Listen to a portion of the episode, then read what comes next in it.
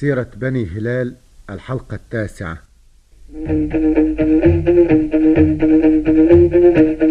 بعد المديح في المكمل. أحمد أبو ضرب سالك. نحكي في سيرة وكمل. عرب يذكروا قبل ذلك. سيرة بني هلال. يرويها لكم عبد الرحمن الأبنودي. غناء جابر أبو حسين. إخراج أحمد علام. في سيرة عرب أقدمين كانوا ناس يخشوا الملامة رئيسهم أسد سبع متين يسمى الهلال السلام.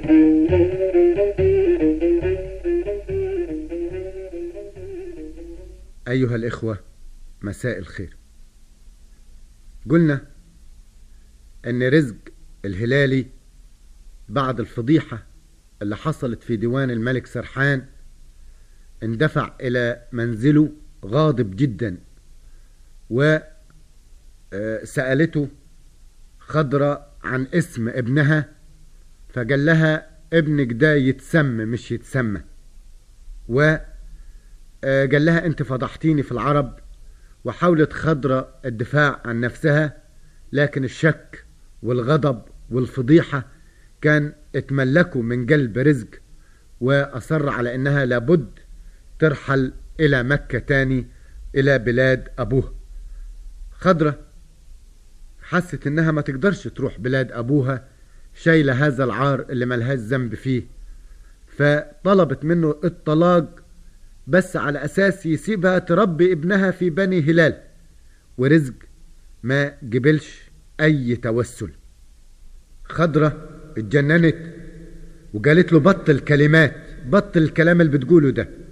قالت له خضرة بطل كلمات يا راكب مهرة وحلو المعارف يلي عامل لي فارس وعامل لي رجل متعلم وإحنا اصله لحمنا من كلو مات مر يا رزق وانت عارف. أنا شريفة ونسل النبي الزين وكيف العبد يوصل فراشي أنا خالية من الكذب والزين. الزنا.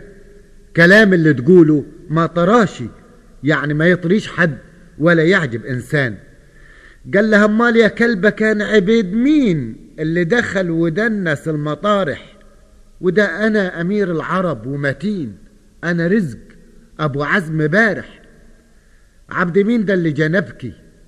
كلام الأعادي بكاني شاف بطنك وشاف جنبكي على الفرش حضنك مكاني. قالت الكلام ده يعلمه مولاي.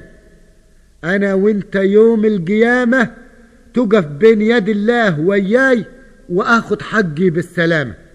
قال لها طيب ارحلي من محلي. النفس ما قبلاش. خليت الغضب كله حلي حل بيا. واللي تبلى ما تلوماش. قالت الصبية إياك إبليس مسك المراية ليك. دموعي فوق خدودي جباكم. يعني الدمع نزل فوق خدودي جاب كمي وبلو إيش قولك ما تعملنيش مرة ليك بس أرب الغلام في جباكم. يعني طلقني بس أرب الغلام جنبكم وفي محلاتكم. قال لها أنا؟ ما عرفش أربيه لازم ترحلي من بلادي. أنا رضيت بحكم ربي دموعي بتجري بلادي. إن كانت أنت دموعك بلت. الجبة أنا دموعي بلت إيدي. قالت الحرة ده أمر ربي. وطلعت تبكي بحنانة طلعت قدام الدار جايبة من الطين وربي بقت تمسك من الطين وترب فيه عملاه كأنه حنانة كأن الطين ده زي الحنة وقاعدة تشيل فوق راسها وفوق هدومها. وقول يا عم جابر قالت له الشريفة بطل كلمات. راكب مهرة وحلوة المعارف. أصلحنا لحمنا من كلمات. مر يا رزق وانت عارف. شريفة نسل النبي الزين. وكيف العبد يوصل فراشي؟ أنا خالية من الكذب والزين. كلام اللي تقولوه ما طراشي.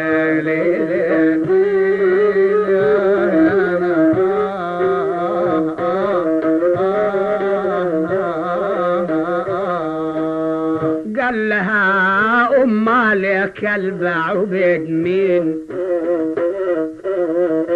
اللي دخل وداس المطرح وأنا أمير العرب متين أنا رزق أبو عزم برح.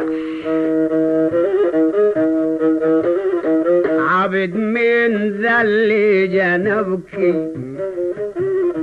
كلام الأعادي بكاني شاف بطنك وشاف جنابك. عالفرش حضنك بكاني قالت له الكلام ده يعلم مولاي. أنا وإنت يوم القيامة. تقف بين يدي الله وإياي. وناخد حقنا بالسلام. قال لها طيب ارحلي من محلي. النفس ما قبل شيء خليت الغضب كله حلي. آه خلت بلا متلو ماشي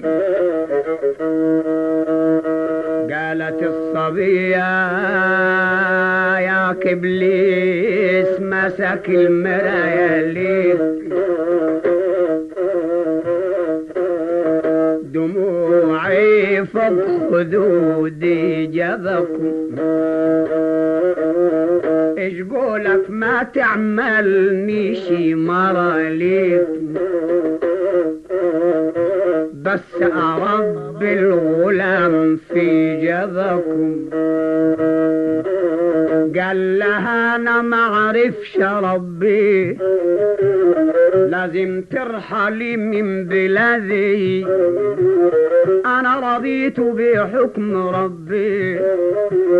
دموعي بتجري بلدي قالت الحرة أمر ربي طلعت تبكي بي حنان جايبة من الطين وربي عاملة كأنه حنانة البنت الشيحة شايفة أمها تعيسة جدا وعمال تلطم وعمال تجيب الطين وتحط على راسها فتقدمت من أبوها رزق يعني حاولت تدافع عن أمها. فأبوها سحب سيفه وهددها وقال لها اسمعي المرأة العاهرة لا تخلف إلا عاهرة. إذا تكلمتي عن هذه الولية مرة تانية حقطع رقبتك. قالت شيحة تبكي دموع العين. شيحة بنتها تبكي بدموع العين. أنا نار قلبي شبيبي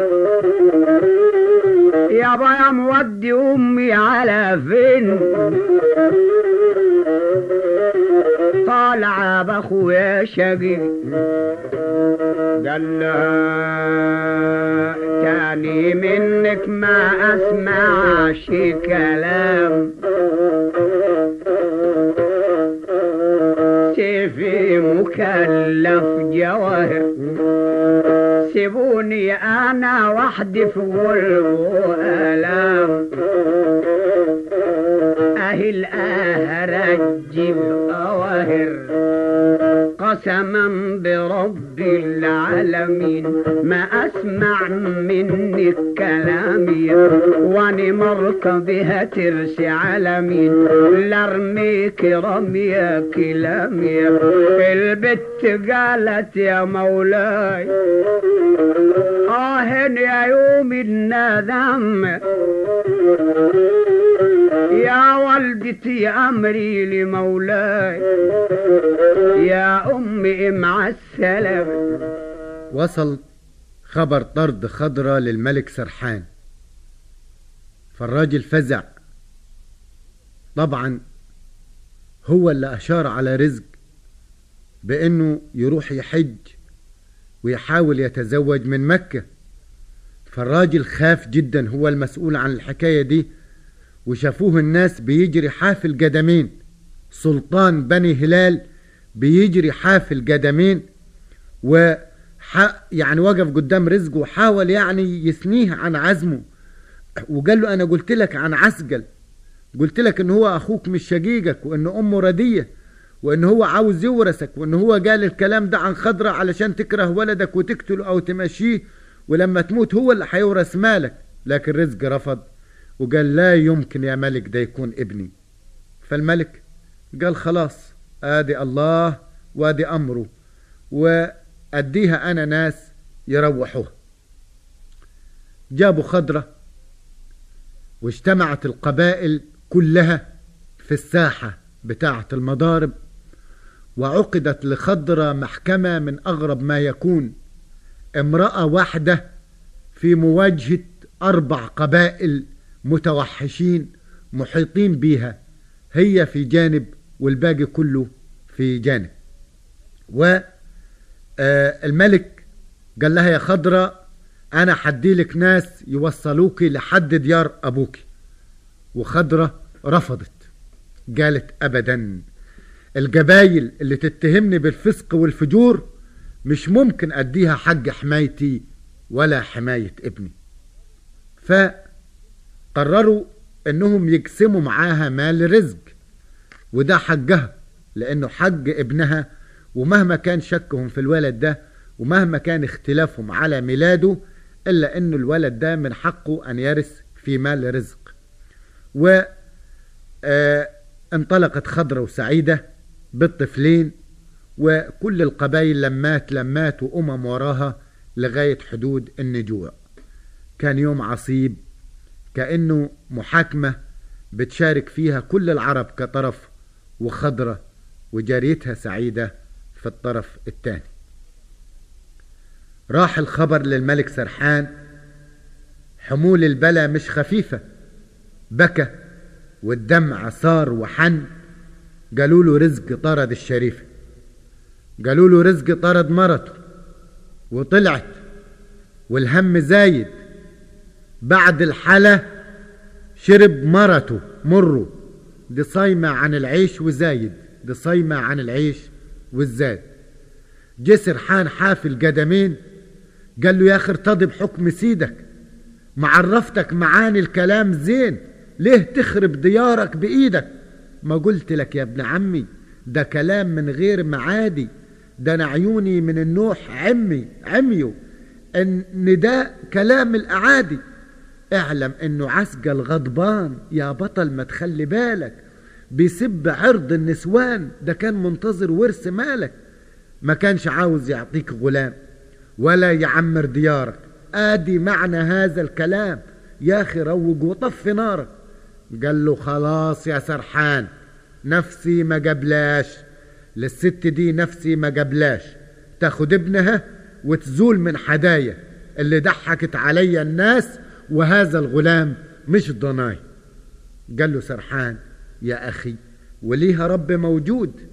أعطيها أنا أنفار يروحوها إلى مكة وبلدها تعود نوصلوها بيت أبوها قالت الشريفة بحق النبي الزين أرفع علمها ورايا مدام تهمتوني بالفسق والزين ولا زول يطلع وراي.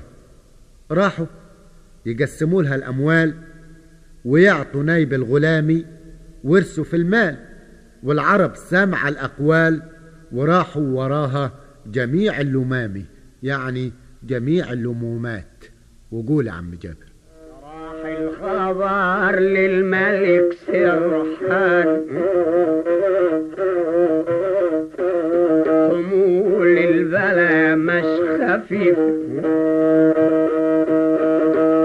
بكى ودمعه على الخد سرحان قالوا له رزق طرد الشريف.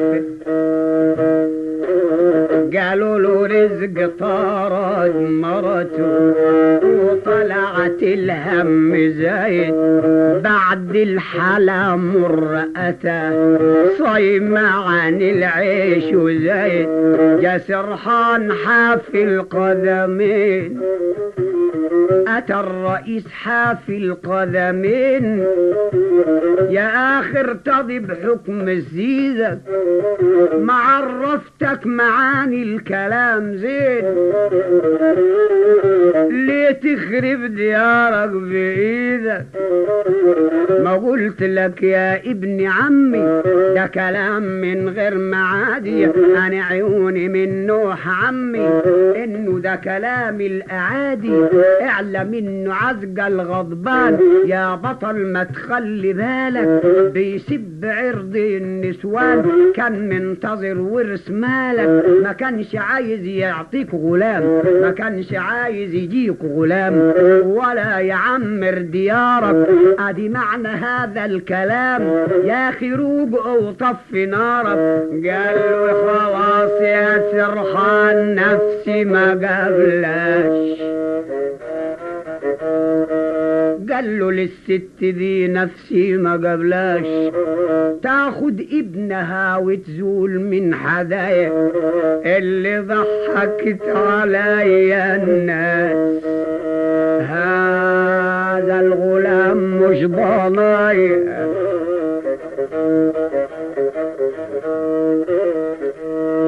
قال له سرحان يا أخي وليها هي يا رب موجود. أعطيها اني أنفار إيه يروحوها. إلى مكة وبلدها تعود. يوصلوها بيت أبوها. قالت الشريفة بحق النبي الزين. أرفع علمها وراي. ما دام تهمتوني بالفسق والزين. ولا زول يطلع ورايا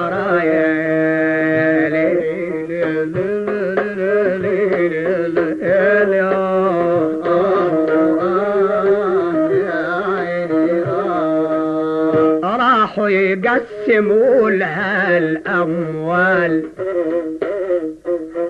ويعطوا نايب الغلام ورثوا في المال والعرب سامع القول. راحوا وراها جميع الأمم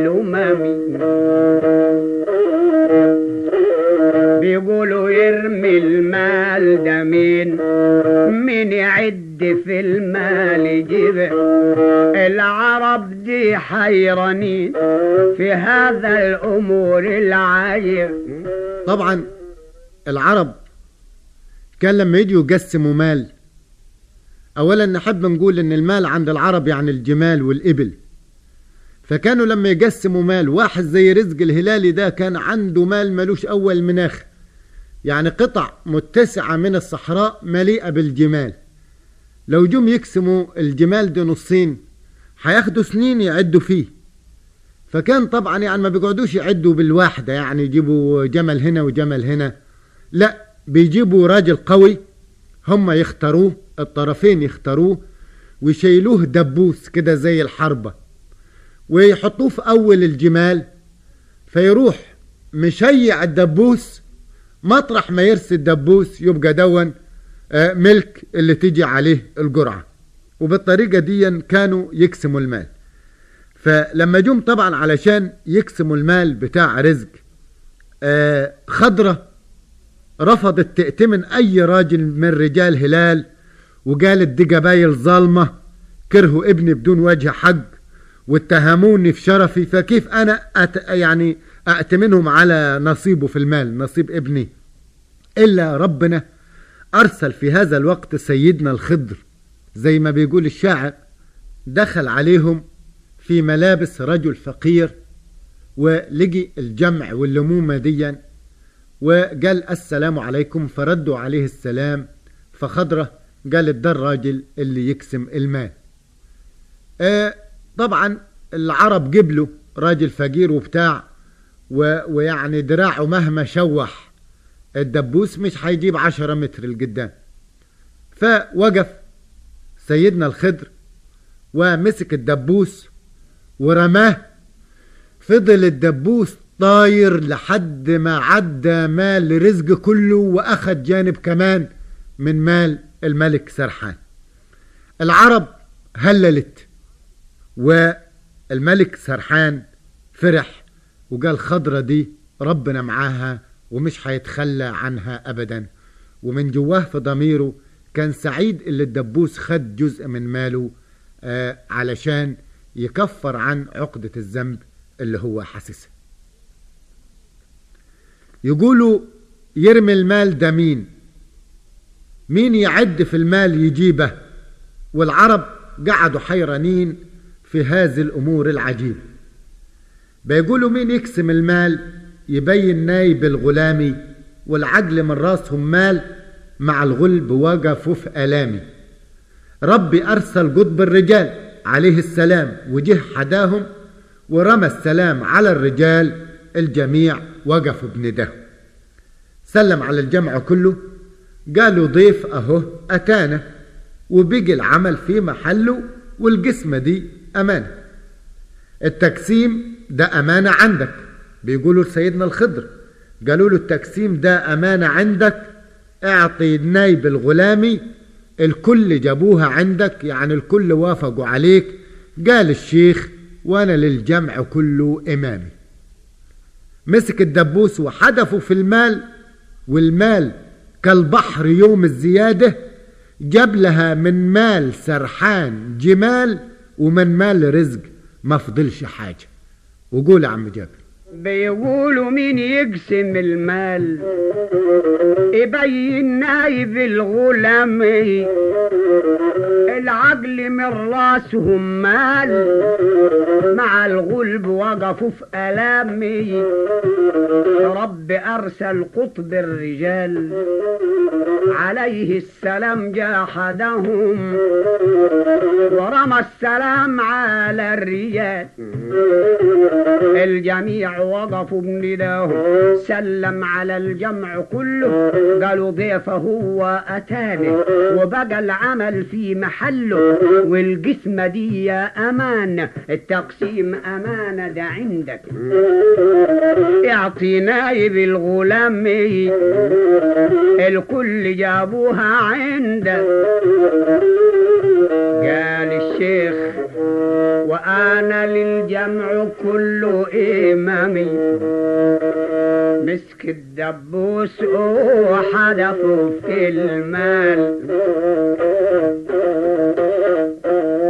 كالبحر يوم الزيادة.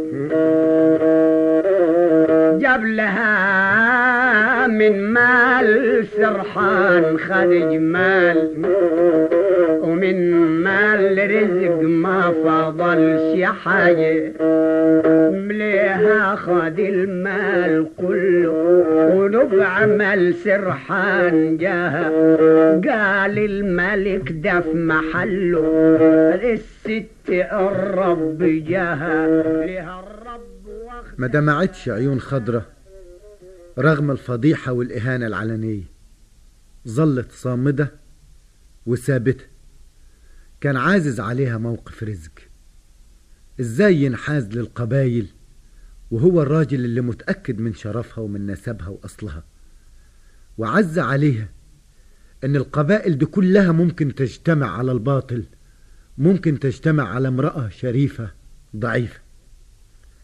لكن سعيدة الجارية بتاعتها كانت طول الوقت بتنوح. سعيدة كانت طبعا هي التعبير عن الأزمة اللي عند خضرة. يعني خضرة هي اللي مأزومة وسعيدة هي اللي بتبكي. نجاح جوزها جوز سعيدة عبد رزق جاي يهون عليها وقال لها يعني معلش يا سعيدة وده قضاء وقدر ودي إرادة ربنا. قالت له يا نجاح روح لسيدك. أنا واخدة ابني وحمشي ورا ستي خضرة. انت تمشي مع سيدك وأنا حمشي مع ستي وإذا كان لينا لقاء تبقى الوجوه تتقابل. وخرجت ال- القبائل آه، خلف الموكب ولما خضرة بدأت الرحيل وبدأت الخيام تختفي عن عينيها ابتدت تتذكر الوضع اللي هي موجودة فيه وابتدت تبكي لأول مرة. جات الجارية بتنوح العيقة في صباها القلب من الغلب مجروح نجاح جوزها جاها. قالت يا نجاح هنا ارتاح يا أبو العمامة النظيفة أنت مع سيدك يا نجاح وأنا رايحة مع الشريف. جمعوا المال وقصدوا الكريم المتعال. وعزموهم النساء والرجال. وطلعت خضرة لما غطاها تبكي ودمعها فوق الخدود سال ومتوسلة بالبدر طه ولت عن البلد والدمع سال وقالت معاني الكلام واللي حاصل. بتقول يا سامع مني خد البال على كلام حلو من خضرة حاصل. يا نجد منك رحلنا بتبكي مدامع عيوني.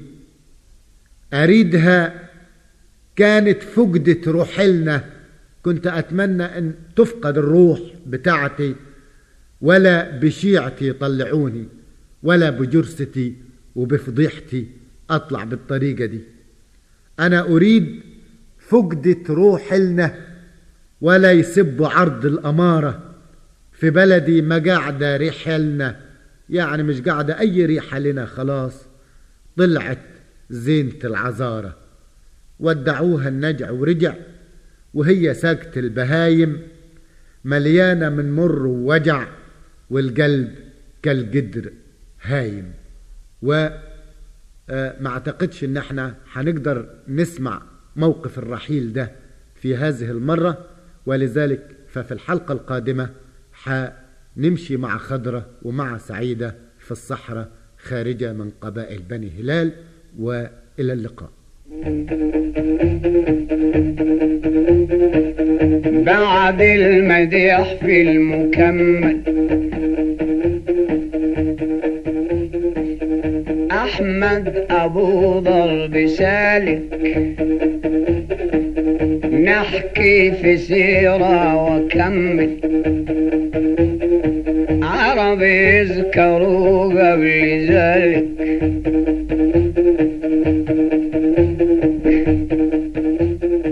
كنتم مع عبد الرحمن الأبنودي جابر أبو حسين أحمد علام في سيرة بني هلال.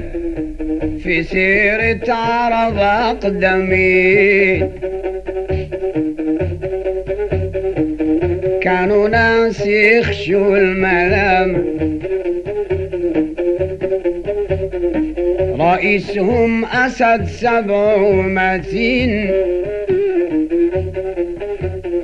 يسمى الهلال السلام.